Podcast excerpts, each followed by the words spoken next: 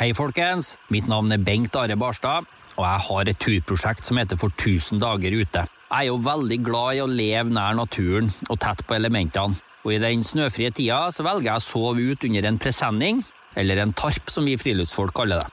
Og Fordelen med å leve under en sånn duk, det er at du får dyr og fugler veldig tett på. Du både ser og hører ryper som skvatrer, og du får med deg alle værskiftninger i løpet av døgnet. Barents Outdoor de lager to typer tarper, og begge her typene er egentlig perfekt for meg og hundene. De har fine opphengsmuligheter og sterke, gode bardunfester. Det siste er ekstra viktig for oss nå da, når høststormene begynner å nærme seg. Ellers er det utrolig gledelig for meg å kunne si det at tarpene til Barents Outdoor de er sydd på Melhus i Trøndelag i Norge. Mer informasjon om disse produktene finner du på barentsoutdoor.no. Og husk på det, folkens, at den første reparasjonen på et Barents Outdoor-produkt den er bestandig gratis.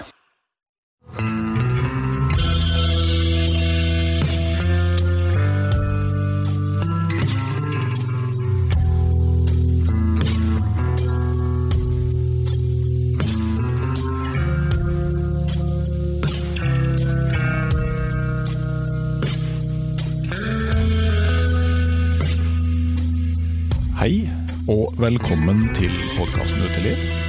Mitt navn er Randulf Valle. Hjertelig velkommen til dagens gjester, Ingrid Alm og Ole Helgesen. Kanskje bedre kjent under Instagram-navnet Tyritroll. Hjertelig velkommen. Tusen takk. Tusen takk skal du ha. Eh, Og tusen takk for eh, deilig frokost. Vi tar opp grytidlig om morgenen i Oslo, men vi har jo relativt små unger alle tre. Så egentlig så er jo ikke det å liksom få besøk halv åtte så veldig tidlig. Det er business as usual, det. Ja. Er det sånn eh, hos dere at så lenge det ikke står fire først på klokka, så er det greit? Ja. Nei, vi har faktisk et veldig B-menneske av et eh, barn, da. så han må faktisk vekkes sånn i sjudraget for å rekke skolen. Ja, det Så, um, så vi er kanskje ikke helt som andre småbarnsforeldre der. Heldig. Ja, det er mer deg.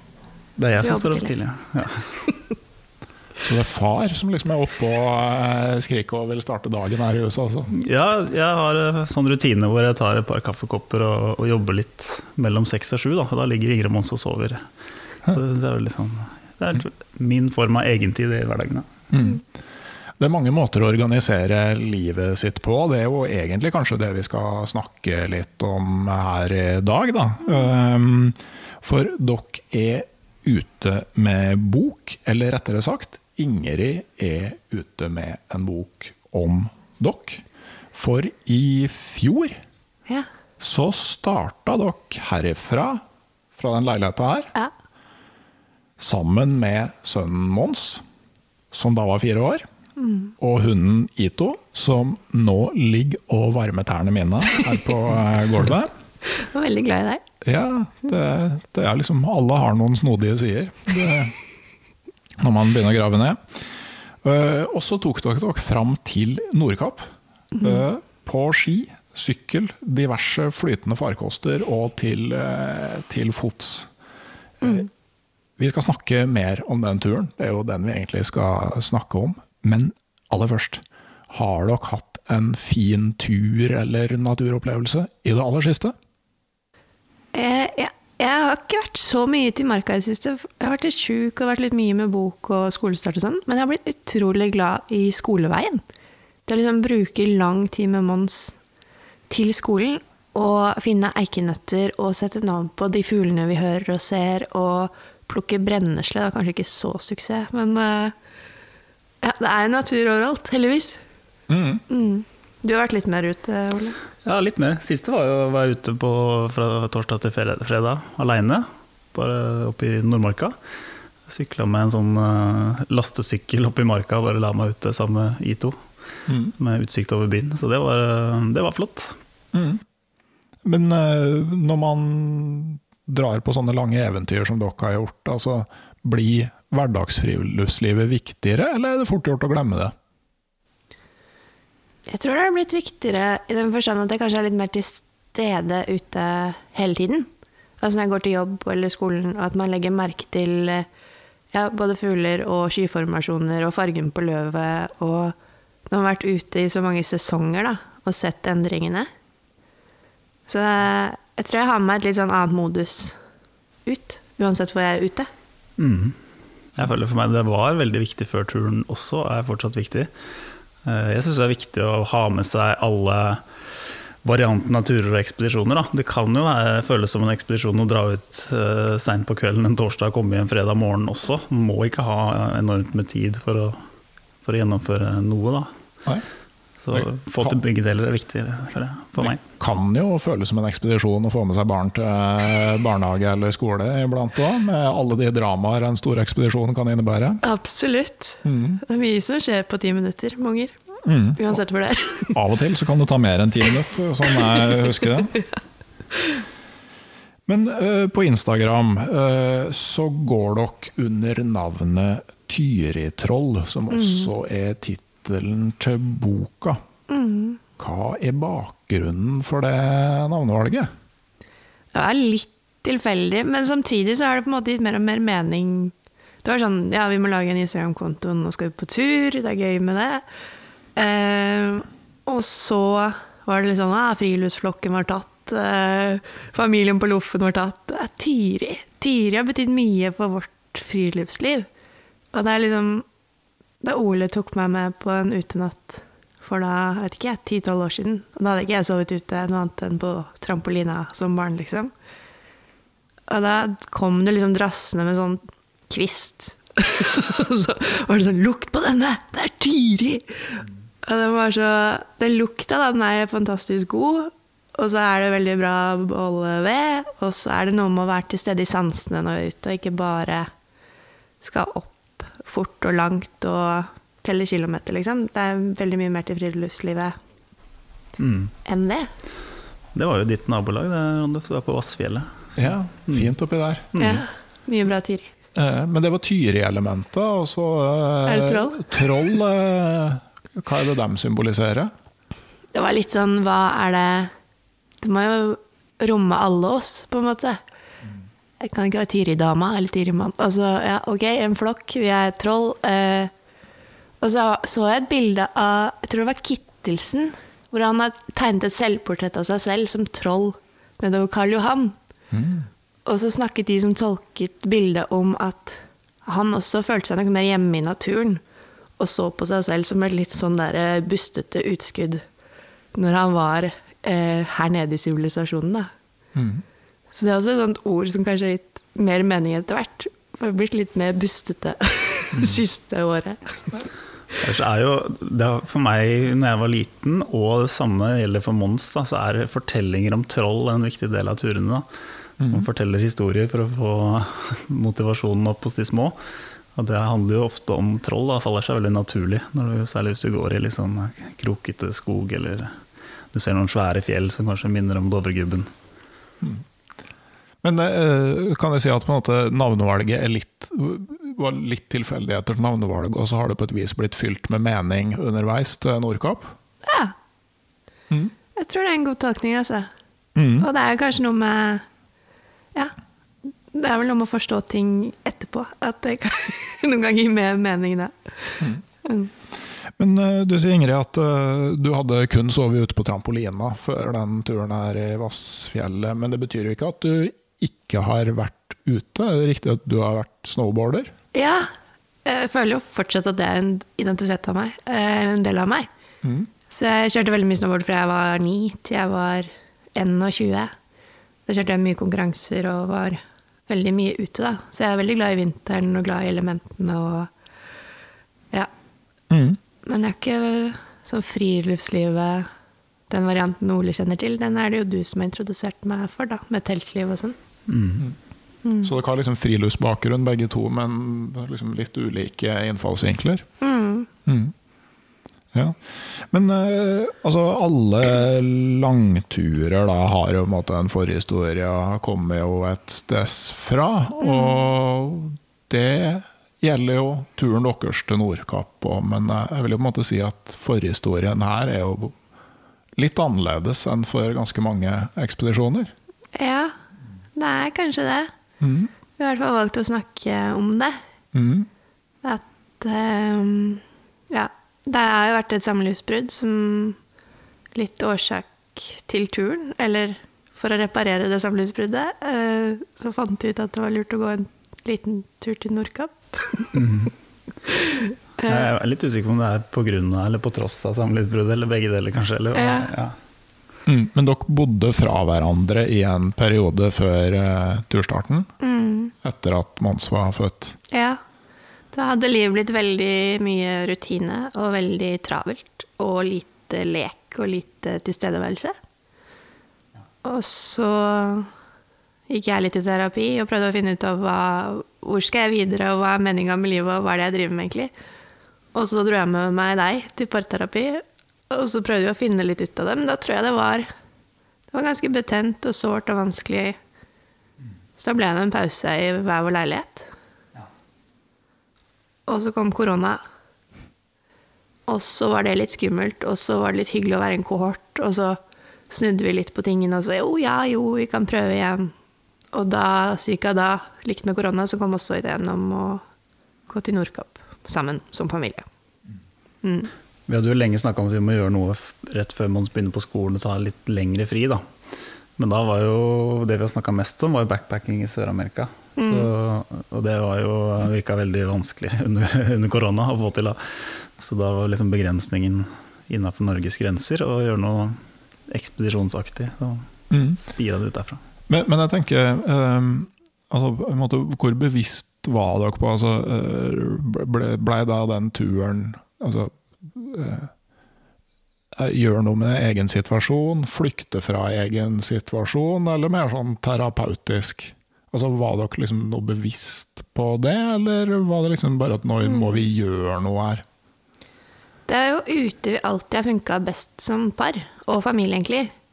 Og det var der liksom noe av gnisten var igjen. Eh, Det var der vi klarte å legge fra oss eh, oppvask og møte i morgen på jobb, og liksom Vi var til stede, da, sammen.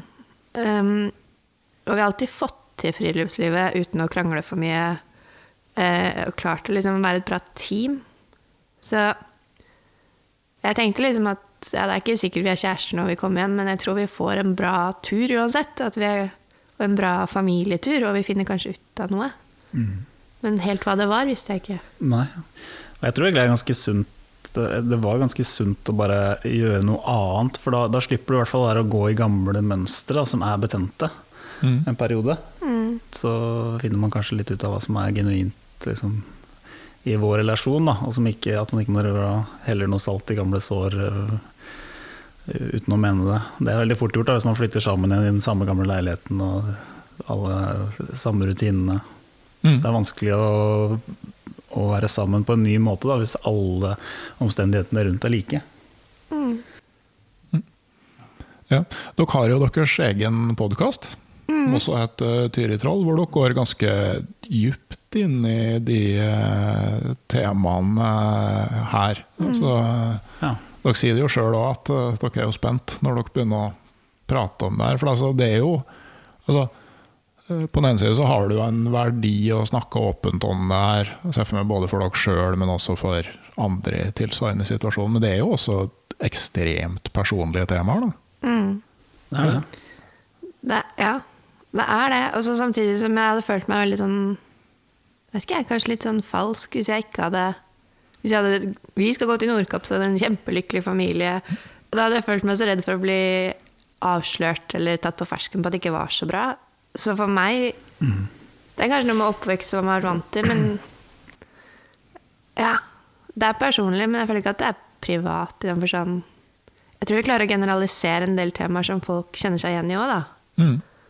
Um, og så er det jo alltid ting man utelater som ikke Ja, som bare er vårt. Ja. Mm. jeg er enig i det. Jeg føler både liksom, hvordan vi har det som par, og en familie med barn på tur. At man ikke skal glorifisere det for mye heller. Da. Mm. Um, og liksom få frem at vi står i mye av de samme utfordringene som alle andre. Det er ikke noe sånn Mm. ja. Jeg føler det er litt viktig. Ja. Ja. Ja, for det, altså Et vanlig parforhold eh, med barn og sånn, altså man havner jo veldig fort i en sånn din tid og min tid. Og det her er et sånn nullsumspill, hvor Ja. mer av min tid betyr mindre av din tid. Ja. Det, men det endrer seg jo litt på tur, da. Altså, sånn, du, du har jo et helt felles prosjekt. Mm. Helt klart. Mm. Så du får jo den der selvrealiseringa, om du vil, eh, gjøres jo sammen, da. Mm. Samtidig som vi var jo opptatt av at man trenger jo noe alenetid. Eh, Det behovet blir ikke mindre av at vi bor i et lite telt eh, hver dag i åtte måneder. Så, så vi øvde oss jo veldig på å være tydelige på når man hadde behov for det. Da. Nå må jeg ha litt uh, privatliv. Mm. Hva gjør man da?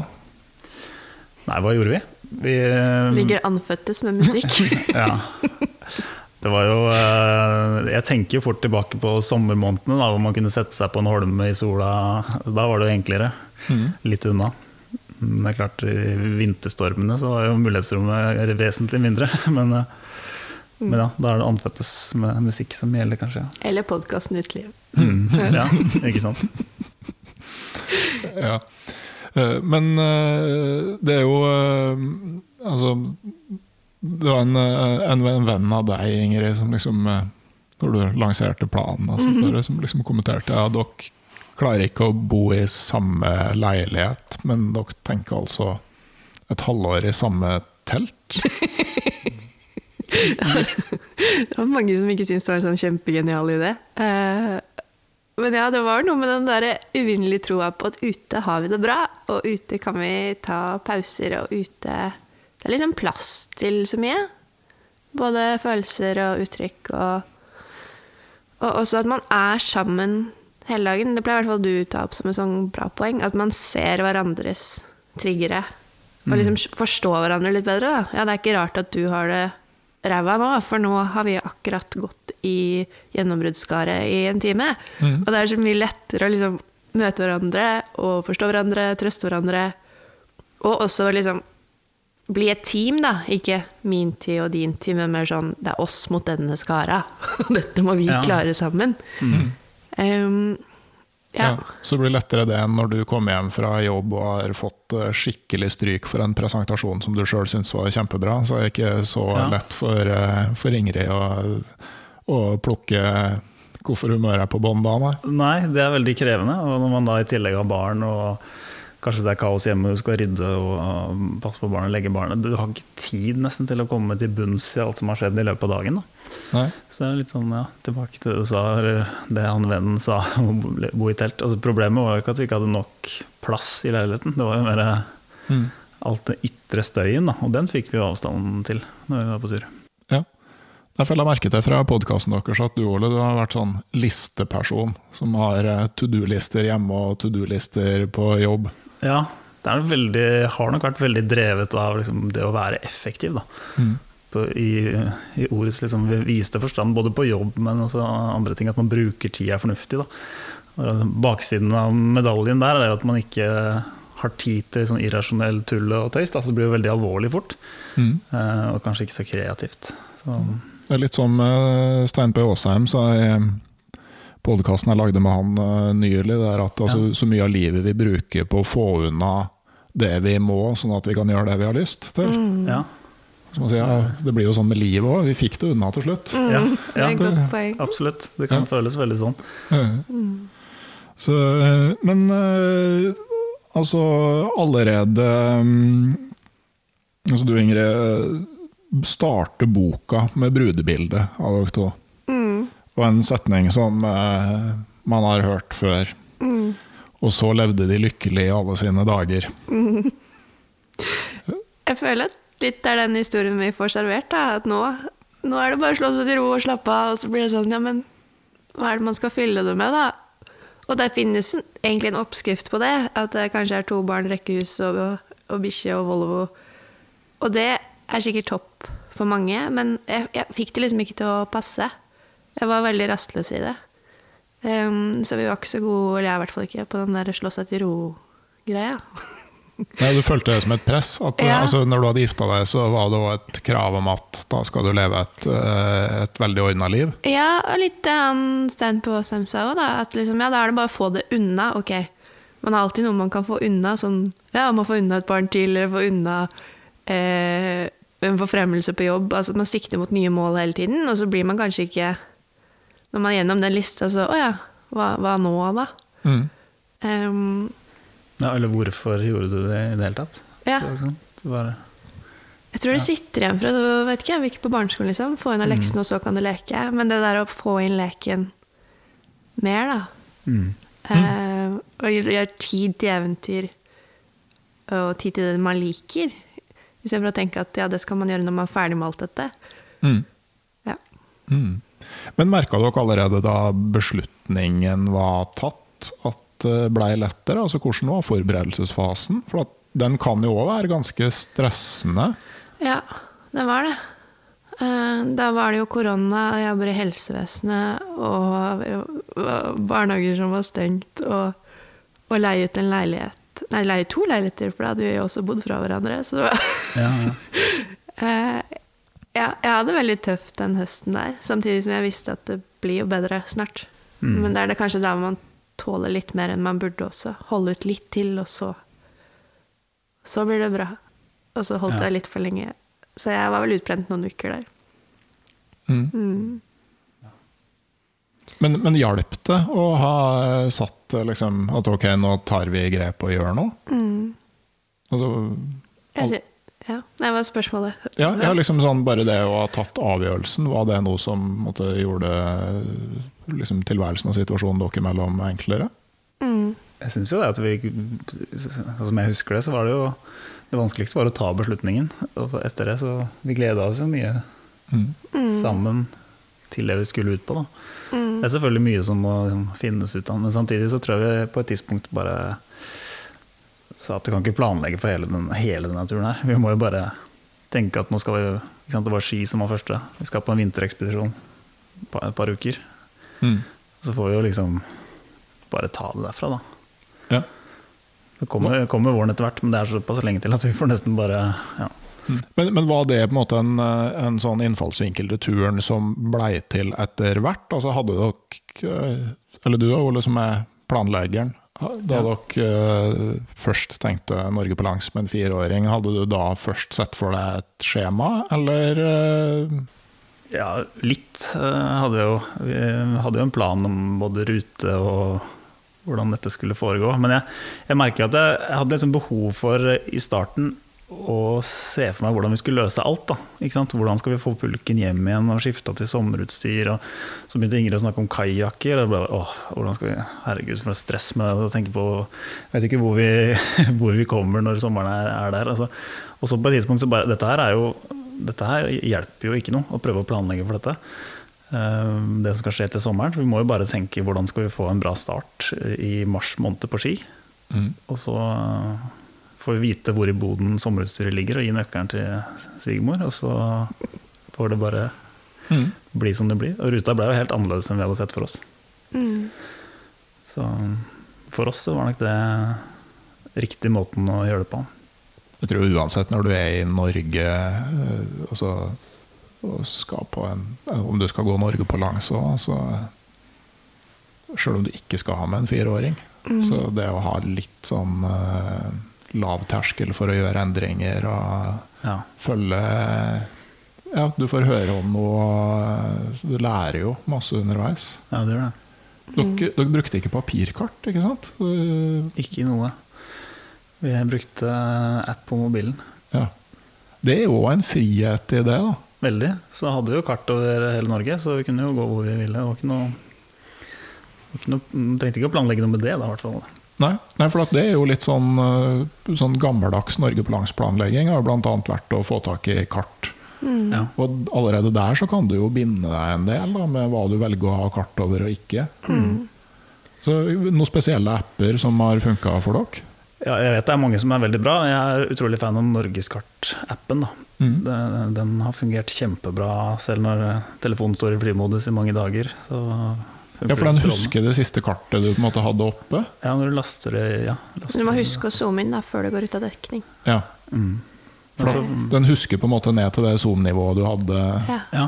Ja, det, Og så er det GPS på telefonen fungerer også i flymodus, og da får du den blå prikken på hvor du er. Og jeg synes det har vært eh, veldig enkelt å navigere etter. Ja. Og så er dere jo to stykker med to telefoner, så har du Ja, Ja. har vi litt backup også. backupen òg, ja. Ja, vært en trygghet i det. Mm. Ja. Nei, det er interessant. Verden, eh, verden endrer seg. Det, eh, Mm. det, det som var eh, en måte, riktig for, for Monsen og Strømdal en gang i forrige årtusen, det er ikke Det var jo rundt Carrington-dynastiet. Ja, ja. Det er jo veldig lenge siden. ja, det er en stor forenkling, det der. altså. Ja. Men husker dere følelsen da dere låste døra og gikk herifra? Ja. Ja. Ja, Den var helt vill. For det hadde jeg liksom sett for meg en stund. At liksom i mitt, mitt drømmescenario var liksom det å kunne gi fra seg nøkkelen og bare gå med sekken. Og det, det fikk vi til. Og det var, det var skikkelig artig. Mm. Og den der frihetsfølelsen. Liksom, ok, dette er det jeg eier, og dette er det jeg skal bo i og ha med meg da i ti måneder. ja, det er fantastisk. Eh, Så gikk det litt i ett. da. Vi hadde vel overtakelse overtagelse med de nye leieboerne, og familie og venner kom til bakgården sammen med God morgen Norge. Og så var det møte diverse folk oppover langs Akerselva. Så da var det litt sånn mye inntrykk, da. Jeg husker også godt den første campen på Barlindåsen her i, i Nordmarka. Mm. Da også sank det på en måte litt mer inn. Og liksom, ok, Dette er den første teltplassen av eh, sikkert hundrevis. Eh, Ja. ja, nå er vi i gang. Men uh, dere gikk jo ganske sånn si, offensivt ut, ut da. Du sier jo 'God morgen, Norge', fulgte Havreisen. Og eh, relativt aktive på Instagram. Eh, hva var på en måte Gjorde dere noen vurderinger rundt det? For det er, jo, det er jo positive og negative sider ved å gå ut til verden med det man har tenkt å gjøre. Ja. Og det er litt skummelt, for da kan man jo feile. Mm. Og, men jeg innbiller meg at det kanskje er lurt, det òg. Å vise at noen ganger så går det ikke. Og hva er det verste som kan skje? At vi turte å satse, men fikk det ikke til. Og det bør det egentlig være rom for, tenker jeg. Jeg tenker kanskje at det verste som kan skje, er at du fortsetter på et prosjekt du egentlig ikke har indre motivasjon til. Fordi Ja. eh, jeg ville sett på, spesielt når du har med unge, at det mm, i mine øyne ville være den største risikoen. Enig. Eh, mm, Vi var veldig opptatt av at vi måtte høre på han. da. Hvis han ble seriøst lei av dette her, så måtte vi jo gi oss. ja. Det var Men, kanskje det viktigste. men hvordan finner du ut om en fireåring egentlig er seriøst lei? Og jeg tenker også, det må jo bli på en måte mer lei enn han er av hverdagen. Da. Altså, for det, Ja. altså, En, ja, jeg blir jo lei av alt mulig. Eller det går jo veldig opp og ned selvfølgelig med sånne små, tasser Men det er jo noe med eh, Du merker jo liksom om eh, Om det blir et stort savn til alt er hjemme. eh, om du ikke liksom klarer å motivere med ting vi skal fremover lenger, så hadde det vært et faresignal, tenker jeg da. Men han var jo alltid sånn Han ville ofte være lenger på teltplassene. Han lurte på når eh, neste gang neste badeland uh, kunne få noe mer Lego i neste by. Altså, jeg føler at det var mer det som var fokus. Da. Egentlig ganske sjelden snakk om uh, I det hele tatt det å si at han ville dra hjem, det skjedde jo ikke før vi var uh, Lyngsalpene, tror jeg. Første gang han sa det sånn rett ut. Mm. Det var den første skikkelige hjemlengselen. Og så merker man jo sånn over tid, i hvert fall, om et barn altså Hadde han begynt å liksom endre atferd på en eller annen måte, være eh, mer mutt, mer stille, ikke ha lyst til å leke, mm, ikke like de tingene han egentlig liker altså Det er jo veldig sånne faretegn. Da må man jo legge om kursen. mm, Og vi prøvde jo å tilpasse underveis også til hans behov. Så det er jo mye, turen hadde jo blitt helt annerledes om han ikke var med. Jeg tror den hadde blitt kjedeligere. og mye mer sånn gå fort og langt. Mens nå ble det mye pausedager og hviledager og mye mer ute ved kysten enn det jeg hadde sett for meg. Fordi han er så glad i havet, da. mm. Jeg merka med deg, Ole, at eh, du nevnte i podkasten hadde en sånn dag jeg lurer på om det var oppe i Steigen eller der omkring, Ja. hvor du egentlig hadde sett på kartet og tenkt at nå skal vi inn i områder som er utrolig fine, og nå må vi komme oss dit. Ja. Og så ble det litt sånn aha-opplevelse. ja. At du eh, liksom plutselig innser at du er jo på et sånt sted. Ja, ikke sant? Ja, ikke sant? Det er veldig fordi når du sitter med denne Norgeskart-appen, så er det veldig lett, å, liksom, i hvert fall for meg, å, å, begynne å tenke langt fremover. Og så er det alltid veldig spennende med alt du ikke har eh, sett og opplevd. Da. Så jeg kan bli veldig drevet av det. Lurer på åssen det er rundt neste sving-type tankegang hele tida. Um, og så var det bare Vi var på verdens fineste plass, liksom. Mons hadde bare lyst til å fiske og bade på den hvite stranda. og det var nesten så jeg liksom fika til meg sjøl litt. Bare, hva er det du driver med nå? Du må ikke finne på å liksom ikke nyte hvert sekund av dette her. Går ikke an å få det bedre, liksom. Så. Ja, det er jo sånn eh, når man er på andre turer, og det er å ikke forstå at du er på kremplassen før etterpå. Mm. Den uh, har en sånn teltleir langt oppi Karasjokka. Ja. Som liksom fortsatt ikke skjønner hvordan vi kunne dra fra etter ei natt. Sånn uh, åpen bjørkeskog med regnlav, mjukt regnlavdekke og sånn slakt fint ned mot vannet. Nei, så dro vi etter ei natt. Det, var, det, det, det, er jo nå 15 år siden, men jeg lurer fortsatt på hva vi tenkte på. Ja. ja, ikke sant? Det er det sånne plasser som setter seg. Mm. Men, øh, men sånn med Mons, altså uh, Altså det med på forhånd, altså hvor stor grad klarer man å forklare en fireåring hva det vil si å gå fra Oslo til Nordkapp? Gjør jo ikke det. For, eller sånn. Han skjønner jo ikke konseptet tid på samme måte. Det er vel kanskje den største utfordringen. Vi prøvde å liksom snakke om sesonger og bursdag. Ja, vi skal hjem etter du har fylt fem. Eh, prøvde å tegne opp litt sånn kalender på kjøleskap og krysse ut. Og nå er vi ferdig med jul, og nå kommer vinteren, og så skal vi dra. Um, men jeg tror jo også den hjemlengselen han fikk i Lyngen, var litt sånn der Ja, men dere sa jeg skulle få besøk av vennene mine!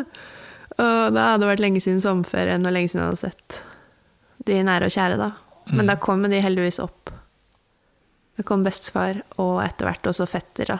Fetter og Håkon. Og da det var en stor dag. Mm. men, men sånn for å, altså voksne blir jo liksom egentlig ofte motivert av å ha et mål. ikke sant? Mm. Det å gå til Nordkapp og gjennomføre og, mm. sånn. Men, men, det har jo ikke måte, nødvendigvis tilsvarende effekt på barn. Nei. Altså, hva er det du motiverer med? For du må jo ha en viss framdrift, da. Ja, det var jo en sånn syklus hvor vi var jo inne i et tettsted sånn ca. en gang i uka, eller noe sånt hver tiende dag. Mm. Så måtte jo finne noe der som motiverte, da. Enten det var om man skulle få noe ny Lego, eller at det var et badeland der vi kunne dra til, eller kino, eller noe sånn. Vi fant jo sånne gulrøtter uh, oppover, da. Så det var litt det vi Ja, også mye gulrøtter underveis, da, både i form av naturopplevelser. Altså, det er jo nok å ta der òg. Eh, Ida hoppet opp på fanget i Ragnvald. Mm, så koselig å sette på det. Ja. ja. Men um, Ja, så både liksom oter og krabber og uh, den type naturopplevelser, men også litt sånne små overraskelser i sekken. Han fikk liksom en, enten en tatovering eller en tyggis eller uh, en legomann en gang om dagen. Mm. Så det er sånn ja, Jeg tror det også skapte litt sånn variasjon, for det kan jo bli litt monotont. Mm. Så jeg har noe å se fram til, ikke vite helt hva det er, som ikke er uh, real turmat og mm. ja. Men han hadde med seg sin egen sekk med sine egne ting i? Mm. mm. Så den var jo fylt i randen med Lego. Mm. Det ble stadig tyngre, så vi måtte også poste ting hjem. Det er sånn, Skal du få en ny Lego-pakke nå, så må vi lage en liten pakke som vi sender hjem også. Mm. Det var greit. Ja. Ja, det var mye Lego? Som, ja, det var det som var Det er noe som heter Super Mario Lego, da, som, mm. som er en sånn serie som har vokst uh, mens vi var på tur. egentlig, kom stadig nye, nye ting der som man eh, ønska seg. da. Mm. Eh, men du Ole, snakka på det der med å nevnte så vidt det der med å fortelle historier rundt, rundt det dere går igjennom. altså Er det noen sånne gjennomgangsfigurer og faste temaer og sånn der, eller? Nei, det er jo en del av disse Askeladden-eventyrene som, eh, som, går igjen. Ellers er han også veldig glad i å liksom, utradisjonelt få gjenfortalt filmer. da. Gjerne litt sånn skumle voksenfilmer òg, som jeg må bare tilpasse litt, hvis det er sånn Hannibal, f.eks. Så det kan være greit å legge litt sensur på noen av detaljene. Men eh, ja. Mm. Så det er ikke noe eh, Nei, det er egentlig alt mulig. Det er liksom for å, um, å tilpasse litt til hva han er interessert i. Og det som også er interessant, da, er at det, at jeg går og finner Noen ganger så finner jeg på det også. Bare, plutselig vil han høre en historie om breiflabben og krabba og torsken. Og det hadde jeg ikke sånn på stående fot, så da måtte vi bare finne på noe. Men det, si, det som er interessant, er at han også da begynner å finne på.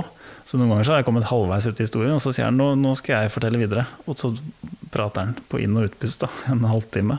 Ja. Bare, og da hører du at han bruker biter fra ting jeg har sagt før, da, men setter det sammen til en ny historie. Så det er jo også kult. da. Og ting han ser og har lært underveis. Så her, der borte bor vargaupa, da har vi akkurat sett noe gaupespor i snøen. Og liksom, han spinner videre. Eh, så det der å se hva som skjer når man ikke har så mye stimuli som hjemme i hverdagen, og hvordan fantasien da løper litt løpsk eh, når man er ute, det har vært skikkelig gøy å være vitne til, egentlig. Ja, veldig. Jeg la merke til at du Ole, sier at det er lettere å finne på de historiene når du er i flott natur. Ja, det er jo det. Føler at man blir inspirert da, av det man ser.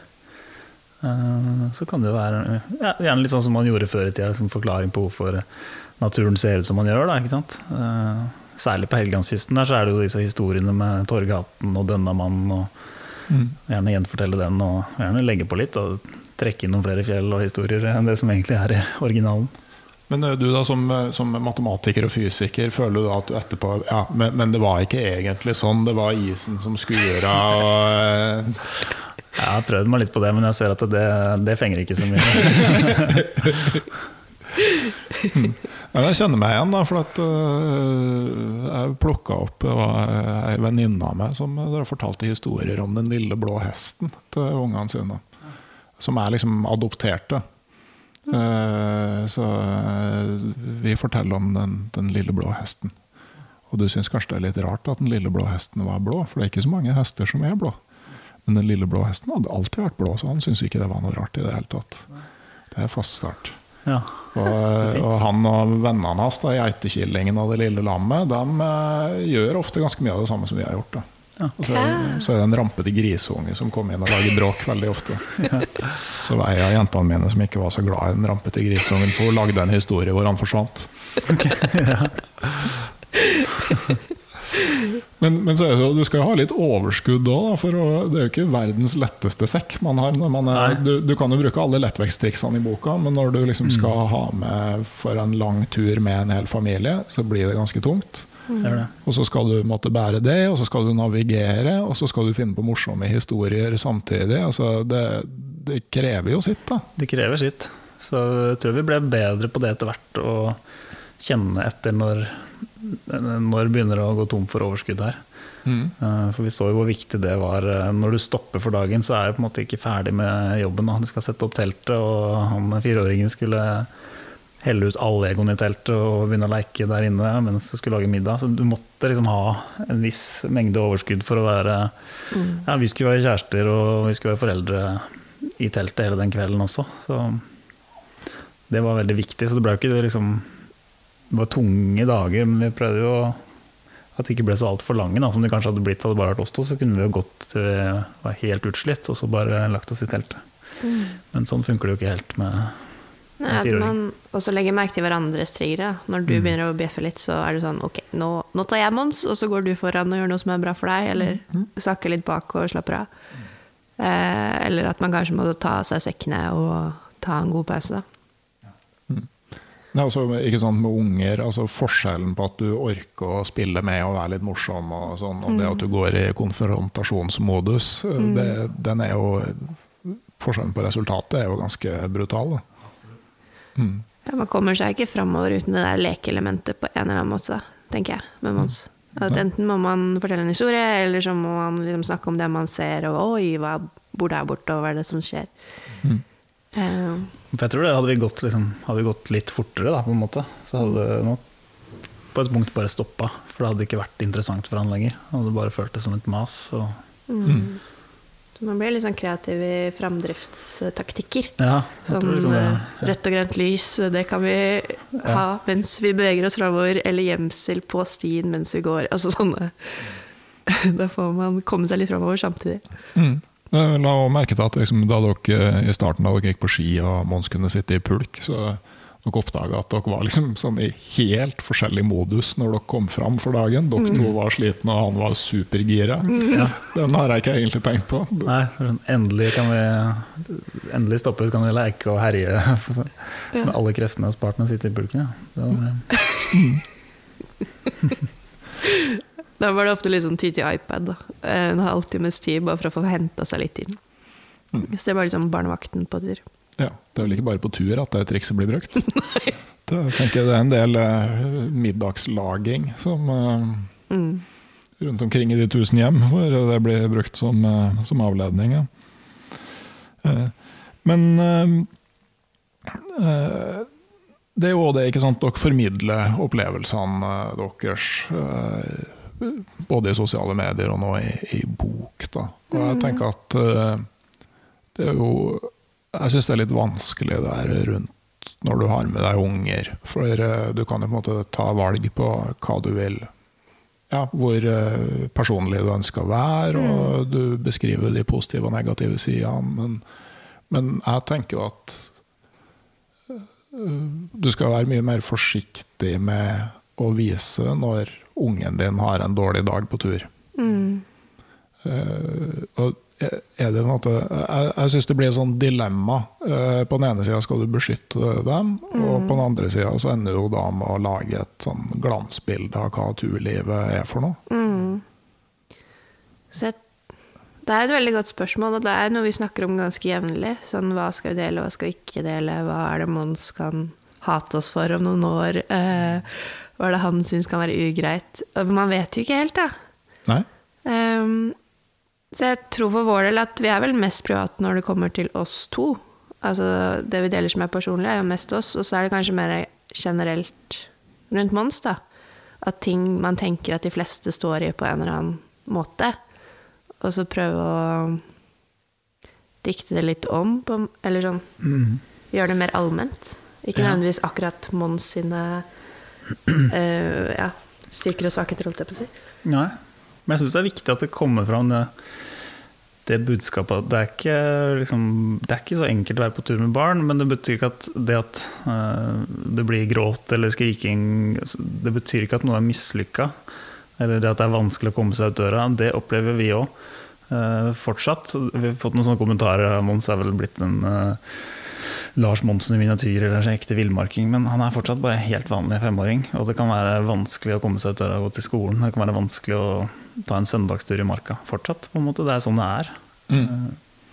Og, og så tror jeg jo vi som foreldre altså Når du tar med ungene på noe som ikke er vanlig, da, og du ikke lever lykkelig alle sine dager, men finner på noe helt annet, så setter man kanskje sånn uh, ubevisst på en måte større krav til at det må være vellykka.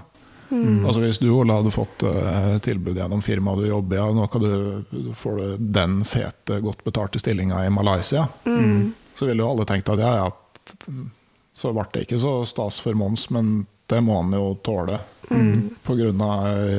jobben din. Men Ja. når dere i stedet velger å leie ut leiligheten og gå til Nordkapp, så, så opplever man kanskje at kravene til at eh, det her med å være stor stas for barna hele veien, er helt annerledes. Da. Det er sant.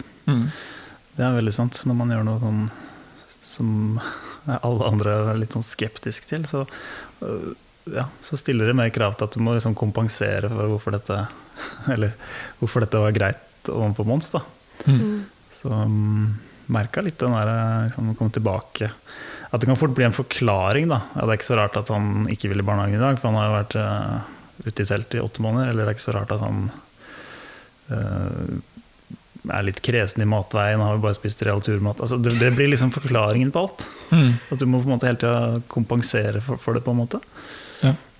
Så, At det at vi, eh, altså, hvis man i stedet valgte å jobbe full tid med overtid to foreldre det, det året der så er det på en måte innafor rammene, så det, det kan ingen kritisere. på en måte. Ja.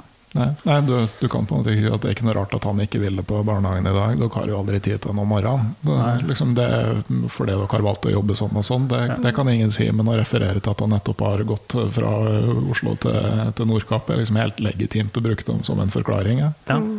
Mm. ja, helt klart. Det, det er jo Men eh, det blei jo en veldig variert tur, da, som jeg nevnte innledningsvis. og Altså, begynne på ski og fortsette på sykkel. Og eh, det som imponerte meg mest, var jo at eh, sånn 450 km på sånn eh, standup-padelbrett oppover nordlandskysten. Ja. Altså, den hadde dere jo aldri kommet på hvis dere skulle sitte hjemme og planlegge. Nei. For, for det var litt sånn resultat av tilfeldigheter. Ja, og litt sånn siste utvei. For jeg, hadde, jeg syntes det var så gøy langs kysten, og Mons koste seg sånn. Og så var det veldig vanskelig å få leid kajakk, for det må jo også leveres på samme sted. Og det ble så mye logistikk. Um, og så hadde vi da fått disse suppene året før da, i bursdagsgave, og så skulle mamma og pappaen min opp og besøke oss. Så var det sånn, ja, vi kan jo prøve da. Det er jo, de er jo sammenleggbare, vi kan jo bare poste det hjem. Um, så jeg fikk overtalt Ole til å prøve et døgn, eller én etappe. Og så ble det jo Det gikk jo ganske lenge. Det gjorde det. Mm. Men det var det som du sier, at du, vi kunne jo alltids bare sende det hjem og så gå til fots. på en måte. Så vi tok en dag av gangen, og så, men så funka det såpass bra. da. Men hvordan får man med seg bagasje og sånn på en uh, SUP? Bare legg det oppå? Ja. Det er sånn stroppesnore foran. Okay. Så satt bikkja oppå sekken og Mons på den andre sekken. Og så hadde vi en sånn vanndunk og litt mat bak. Eh, så det gikk vel akkurat. Men det er disse da De tåler vel Er det 100 kilo eller noe sånt? Mm. Men Vi hadde sikkert 150 på hver. Ja, Men det- dette regnet, det der kan jo ikke gå opp. Men eh, nei, vi har nok De er ganske tjukke, da.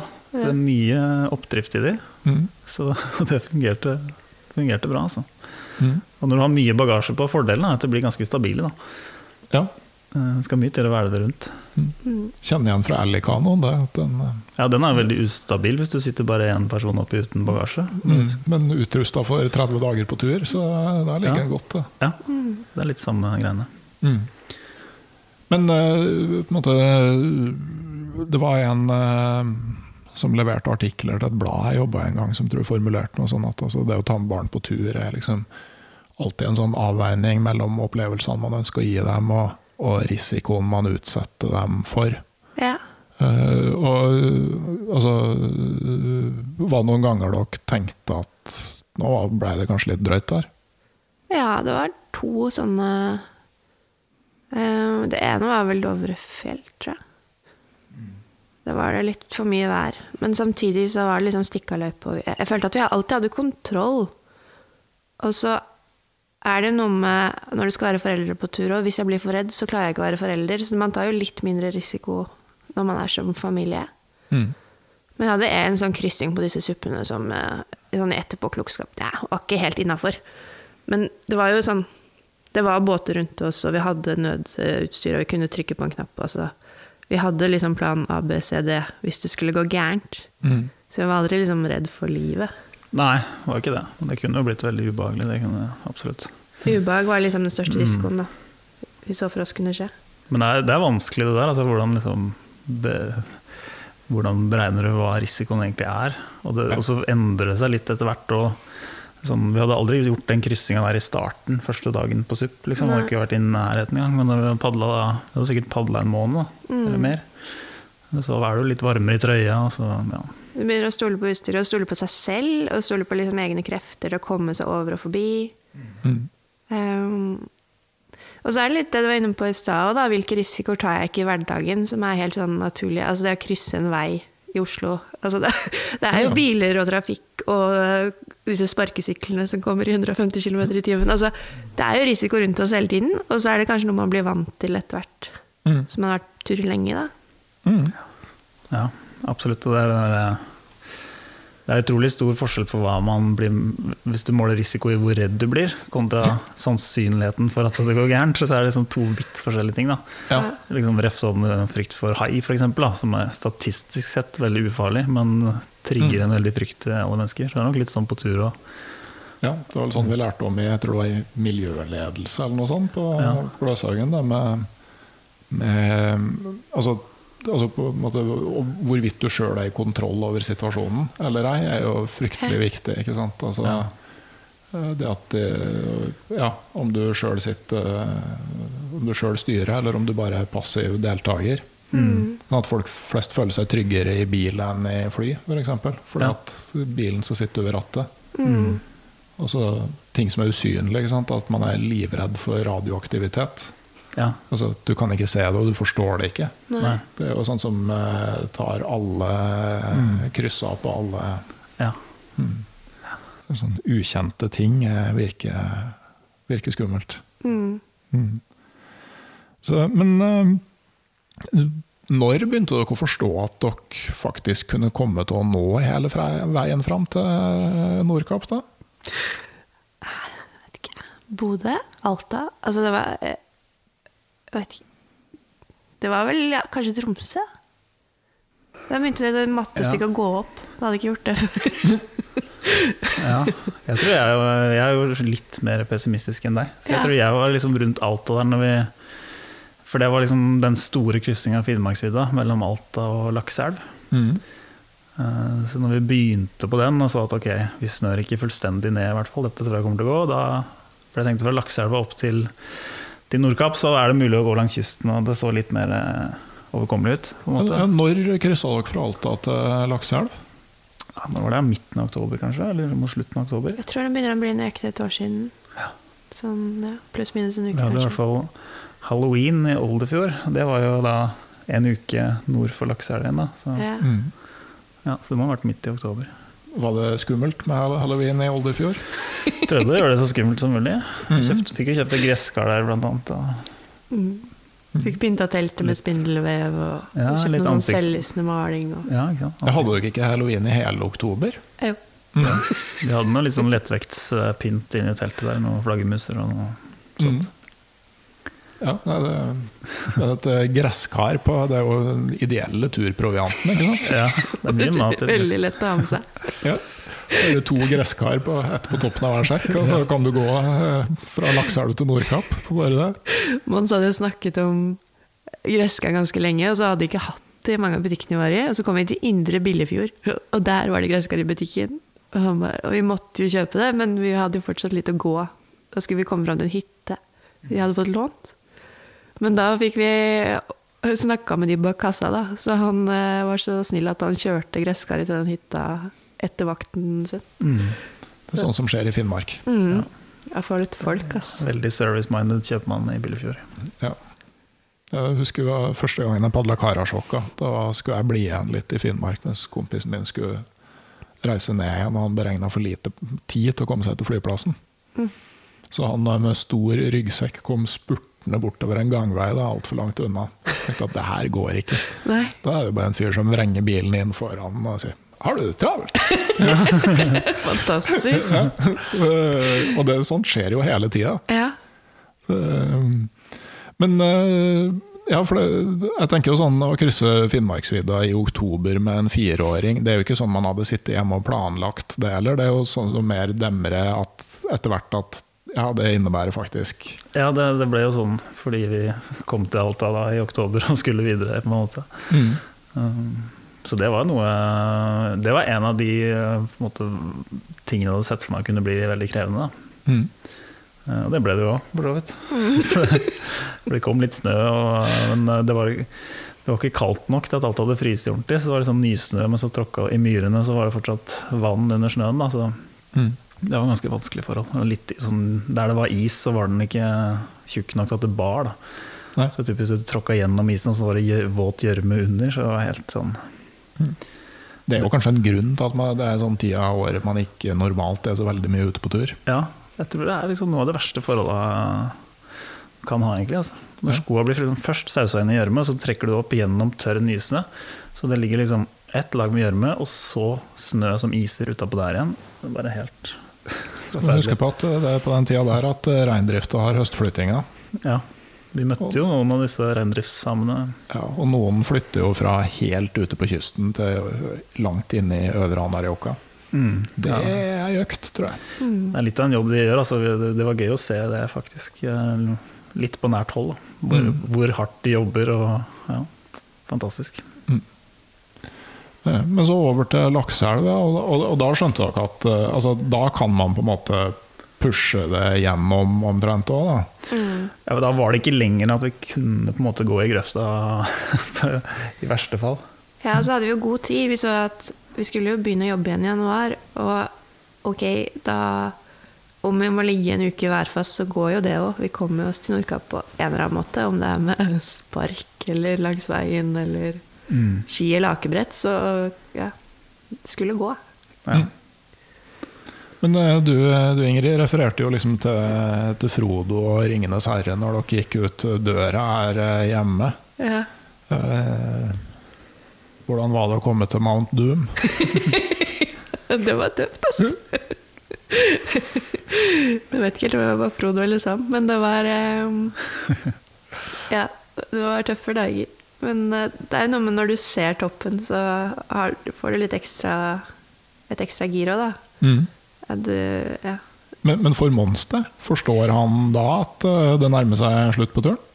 Nei. Så han tenker på den siste dagen inne på Nordkåplatået som desidert verst. Og det var det nok òg, for da tror jeg Da var det noe med å bare bli ferdig Vi har én økt igjen, liksom. Dette må vi få til. Mm. Så det var ikke helt bra for han. Det var vel den dagen vi pusha han mest, kanskje. Ja. På grunn av ja, Det var vel det at det både snødde og blåste så mye rett imot. da. Altså, Ubehagelig for en, en som akkurat har blitt fem år da. da Å sitte med snøføyka rett i fleisen eh, såpass lenge, da. Mm. Så det der Nordkapp-platået var fullstendig uinteressant for han, men det var godt å komme inn med å få vaffel og kakao. Og jeg tror vi var der inne i tre timer, ja. Mm. før vi gikk ut på det platået. Bare, bare satt inn i varmen. Mm. Mm. Ja, vaffel og kakao, og han skal ha en is, var det ikke det? Jo. Ikke så kald likevel. Nei. Og det er da jeg tenker at det har gått greit, når han ber om is. Ja. Mm. Eh, Men eh, Men eh, ja, det, det er jo å nå målet er jo fint, og så er det jo tomt. Ja. Eh, Og spesielt med det utgangspunktet dere hadde for turen. Da. Hvordan ble det å komme hjem? Det har vært veldig rart. Eh, man er jo ja, blitt litt rar. litt trollete. Eh, men jeg tror det er veldig godt å være to eller tre, da, eller fire med to, om det og ha opplevd det, og kan minne hverandre på hva som egentlig er viktig, og hva vi må holde høyt. Eh, så det å sette av nok tid og være nok ute og ikke slutte med det, da. For det var jo et eventyr. Mm. Ja. Mm. Men vi har nok prioritert ting annerledes siden etter den turen.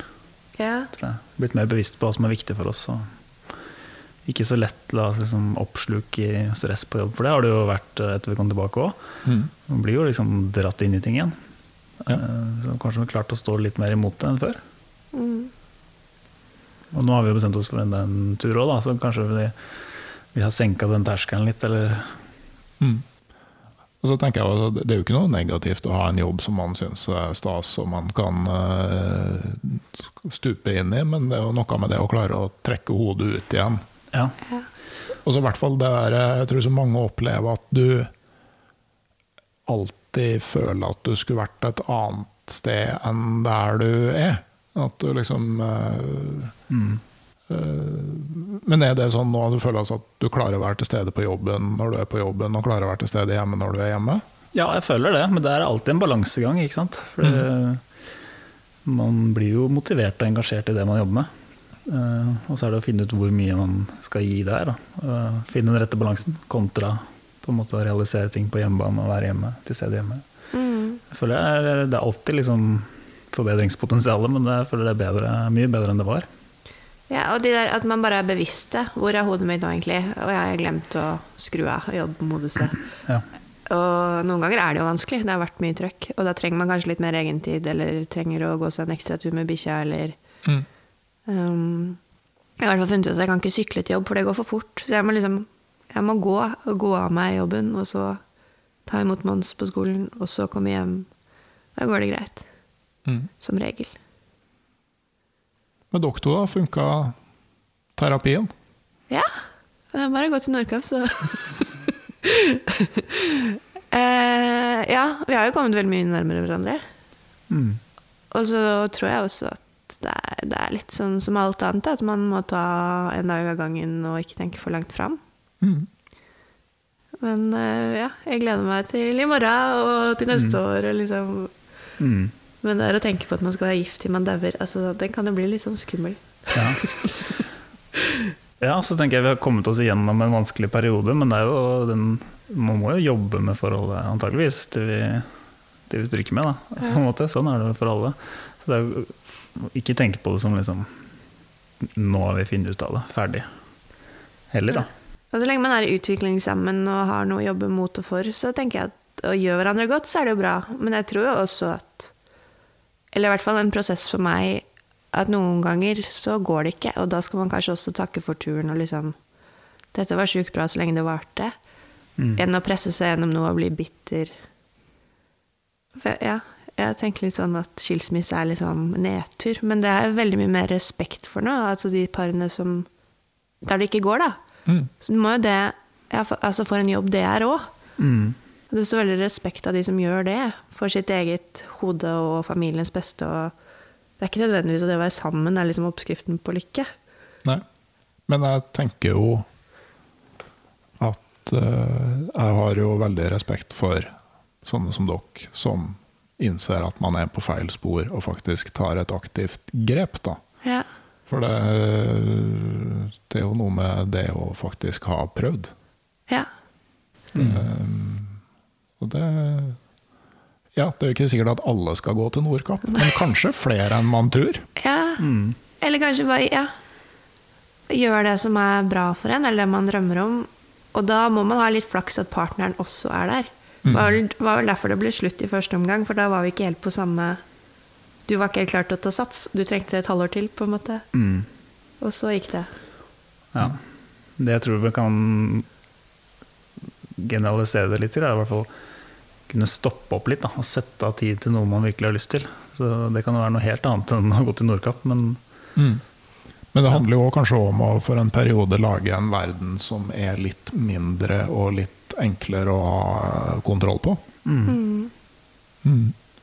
Men uh, som dere har vært inne på, det, det stopper jo ikke på Nordkapp. Nei. Dere stepper opp litt. Ja. Uh, Og setter kursen for eh, USA ja. utpå vinteren.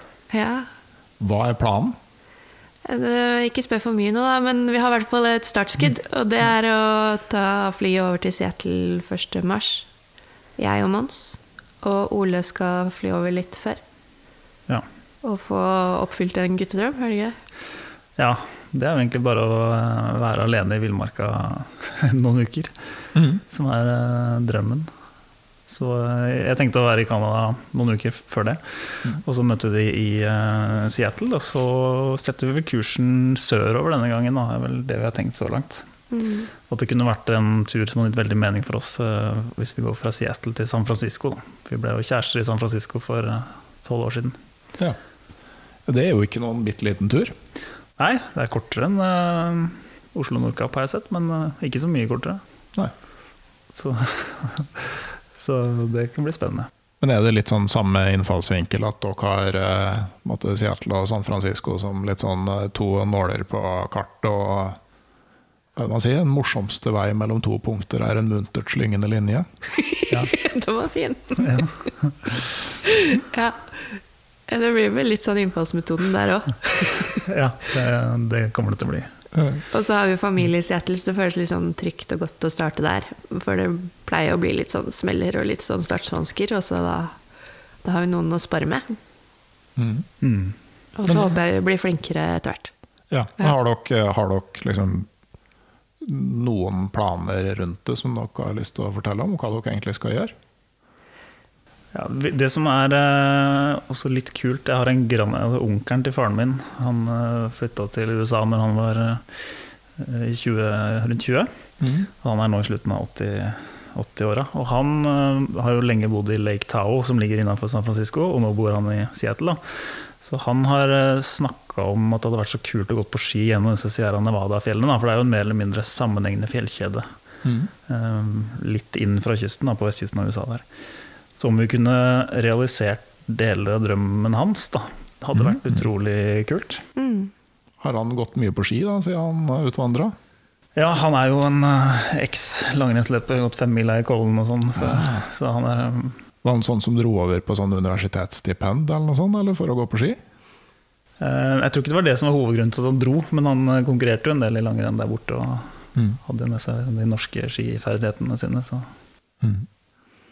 Nei, men Det høres jo eh, spennende ut. da, Binde sammen eh, familietrådene og Mm. gå en, eh, en lang tur på ski. Hva, hva sier Mons om det her, da? Ja, han syns det er veldig spennende. Han har jo liksom sine egne målsetninger med turen. da. Som er knytta opp mot dyreriket. Han, eh, han har veldig lenge snakka om å fiske sverdfisk, så det må vi se om det er mulig å få til. Ellers er han utrolig fan av edderkopper og skorpioner og slanger, så det kan jo hende at vi må leite etter det litt sånn eh, lenger sør, sør der. Nærme seg Mexico, så kan man vel få Ja. både det man vil ha og mer til. og sånt. Ja. Nesten litt bekymringsfullt at han ikke er noe redd for det i det hele tatt. Bare syns det er veldig spennende. Så Mm. var litt eh, oppmerksom på det. Mm. Ja, det, det, var jo for, for min del eh, en viktig grunn til at Hilde og jeg dro til New Zealand og ikke Australia. Det at, Ja. eh, Ja, liksom, minimalt med farlige kryp, mens Australia har eh, jo rikelig av så arten. Det er mye som kan drepe deg. Ja, det, det er det. Så, men da er det altså ute i mars. da. Kan vi fortsatt følge dere på, på Instagram? Jeg gjør gjerne det, da. Mhm. Mm. Men sånn eh, til slutt, altså boka som er ute eh, sånn for deg, eh, Ole.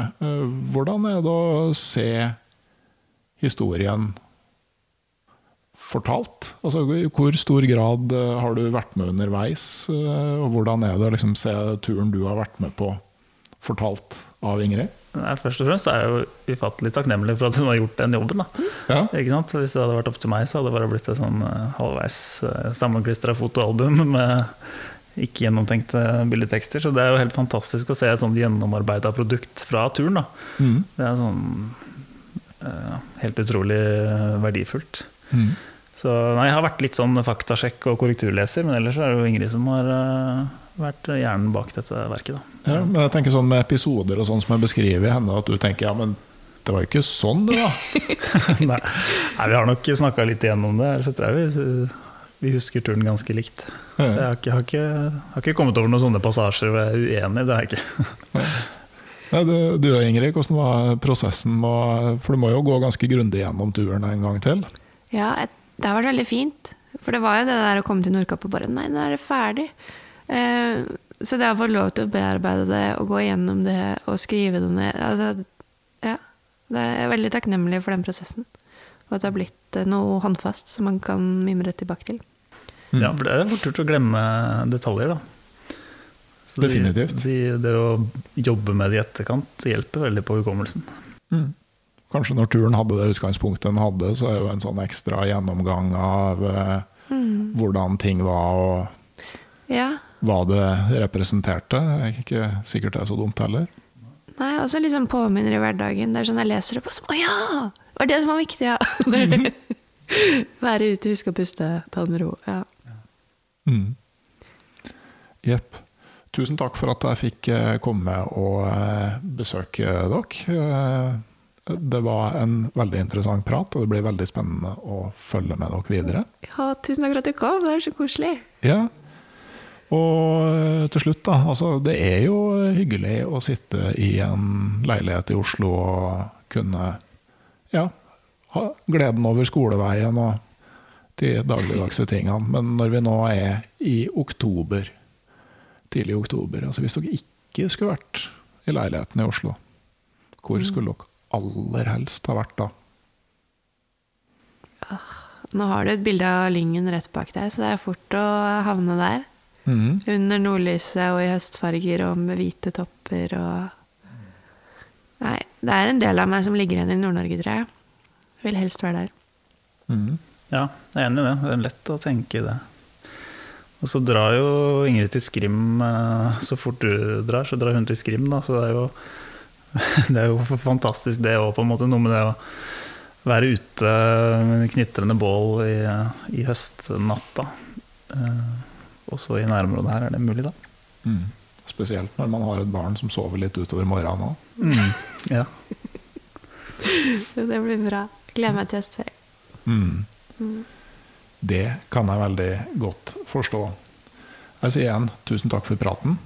Takk for praten. Takk for praten. Mm. Som vanlig så takker jeg de som er med i det digitale turlaget rundt podkasten Uteliv på Patrion. Jeg skal også minne om at jeg driver og rydder litt i mine litt for mange telt i kjelleren. Og en eh, måte å tynne ut litt i utvalget på, er at jeg gir bort et telt til en eh, av eh, de som støtter podkasten Uteliv på Patrion den tiende i hver måned resten av året. Og når denne episoden her kommer ut, så rekker du akkurat å registrere deg, sånn at du blir med i trekninga av et vintertelt den 10. oktober. I tillegg til at du får med deg mulighetene i november og desember.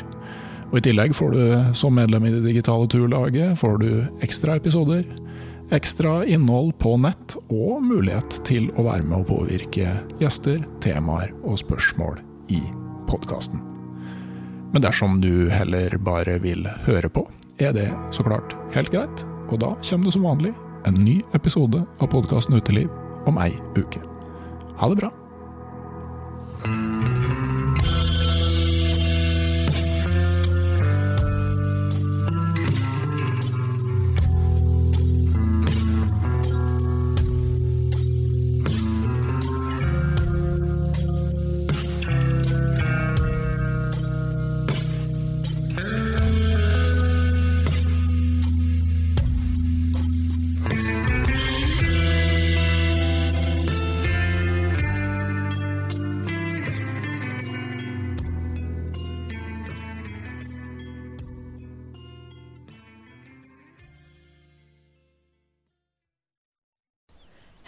Jeg heter Nore Helligsen og er daglig leder i Barents Outdoor.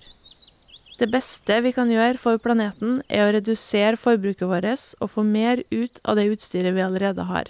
Men vi vet av erfaring at bruken av telt kan endre seg over tid. Det teltet du kjøpte for to år siden, passer kanskje ikke det behovet du har i dag. Derfor har vi i Barents etablert en egen panteordning der vi tar imot brukte telt av god kvalitet i innbytte når du kjøper et nytt av oss. Prosessen er enkel. På barentsoutdoor.no gir du oss informasjon om teltet du vil bytte inn. Basert på det får du et tilbud fra oss som gir deg rabatt på ditt neste Barentsprodukt. Mer info og betingelser finner du på barentsoutdoor.no. Og husk at den første reparasjonen på produkter fra Barents er alltid gratis.